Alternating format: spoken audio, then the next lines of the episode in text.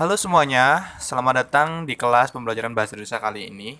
Sebelum kalian memasuki materi, ada baiknya kalian membaca dulu daftar menu apa aja yang akan kita pelajari hari ini.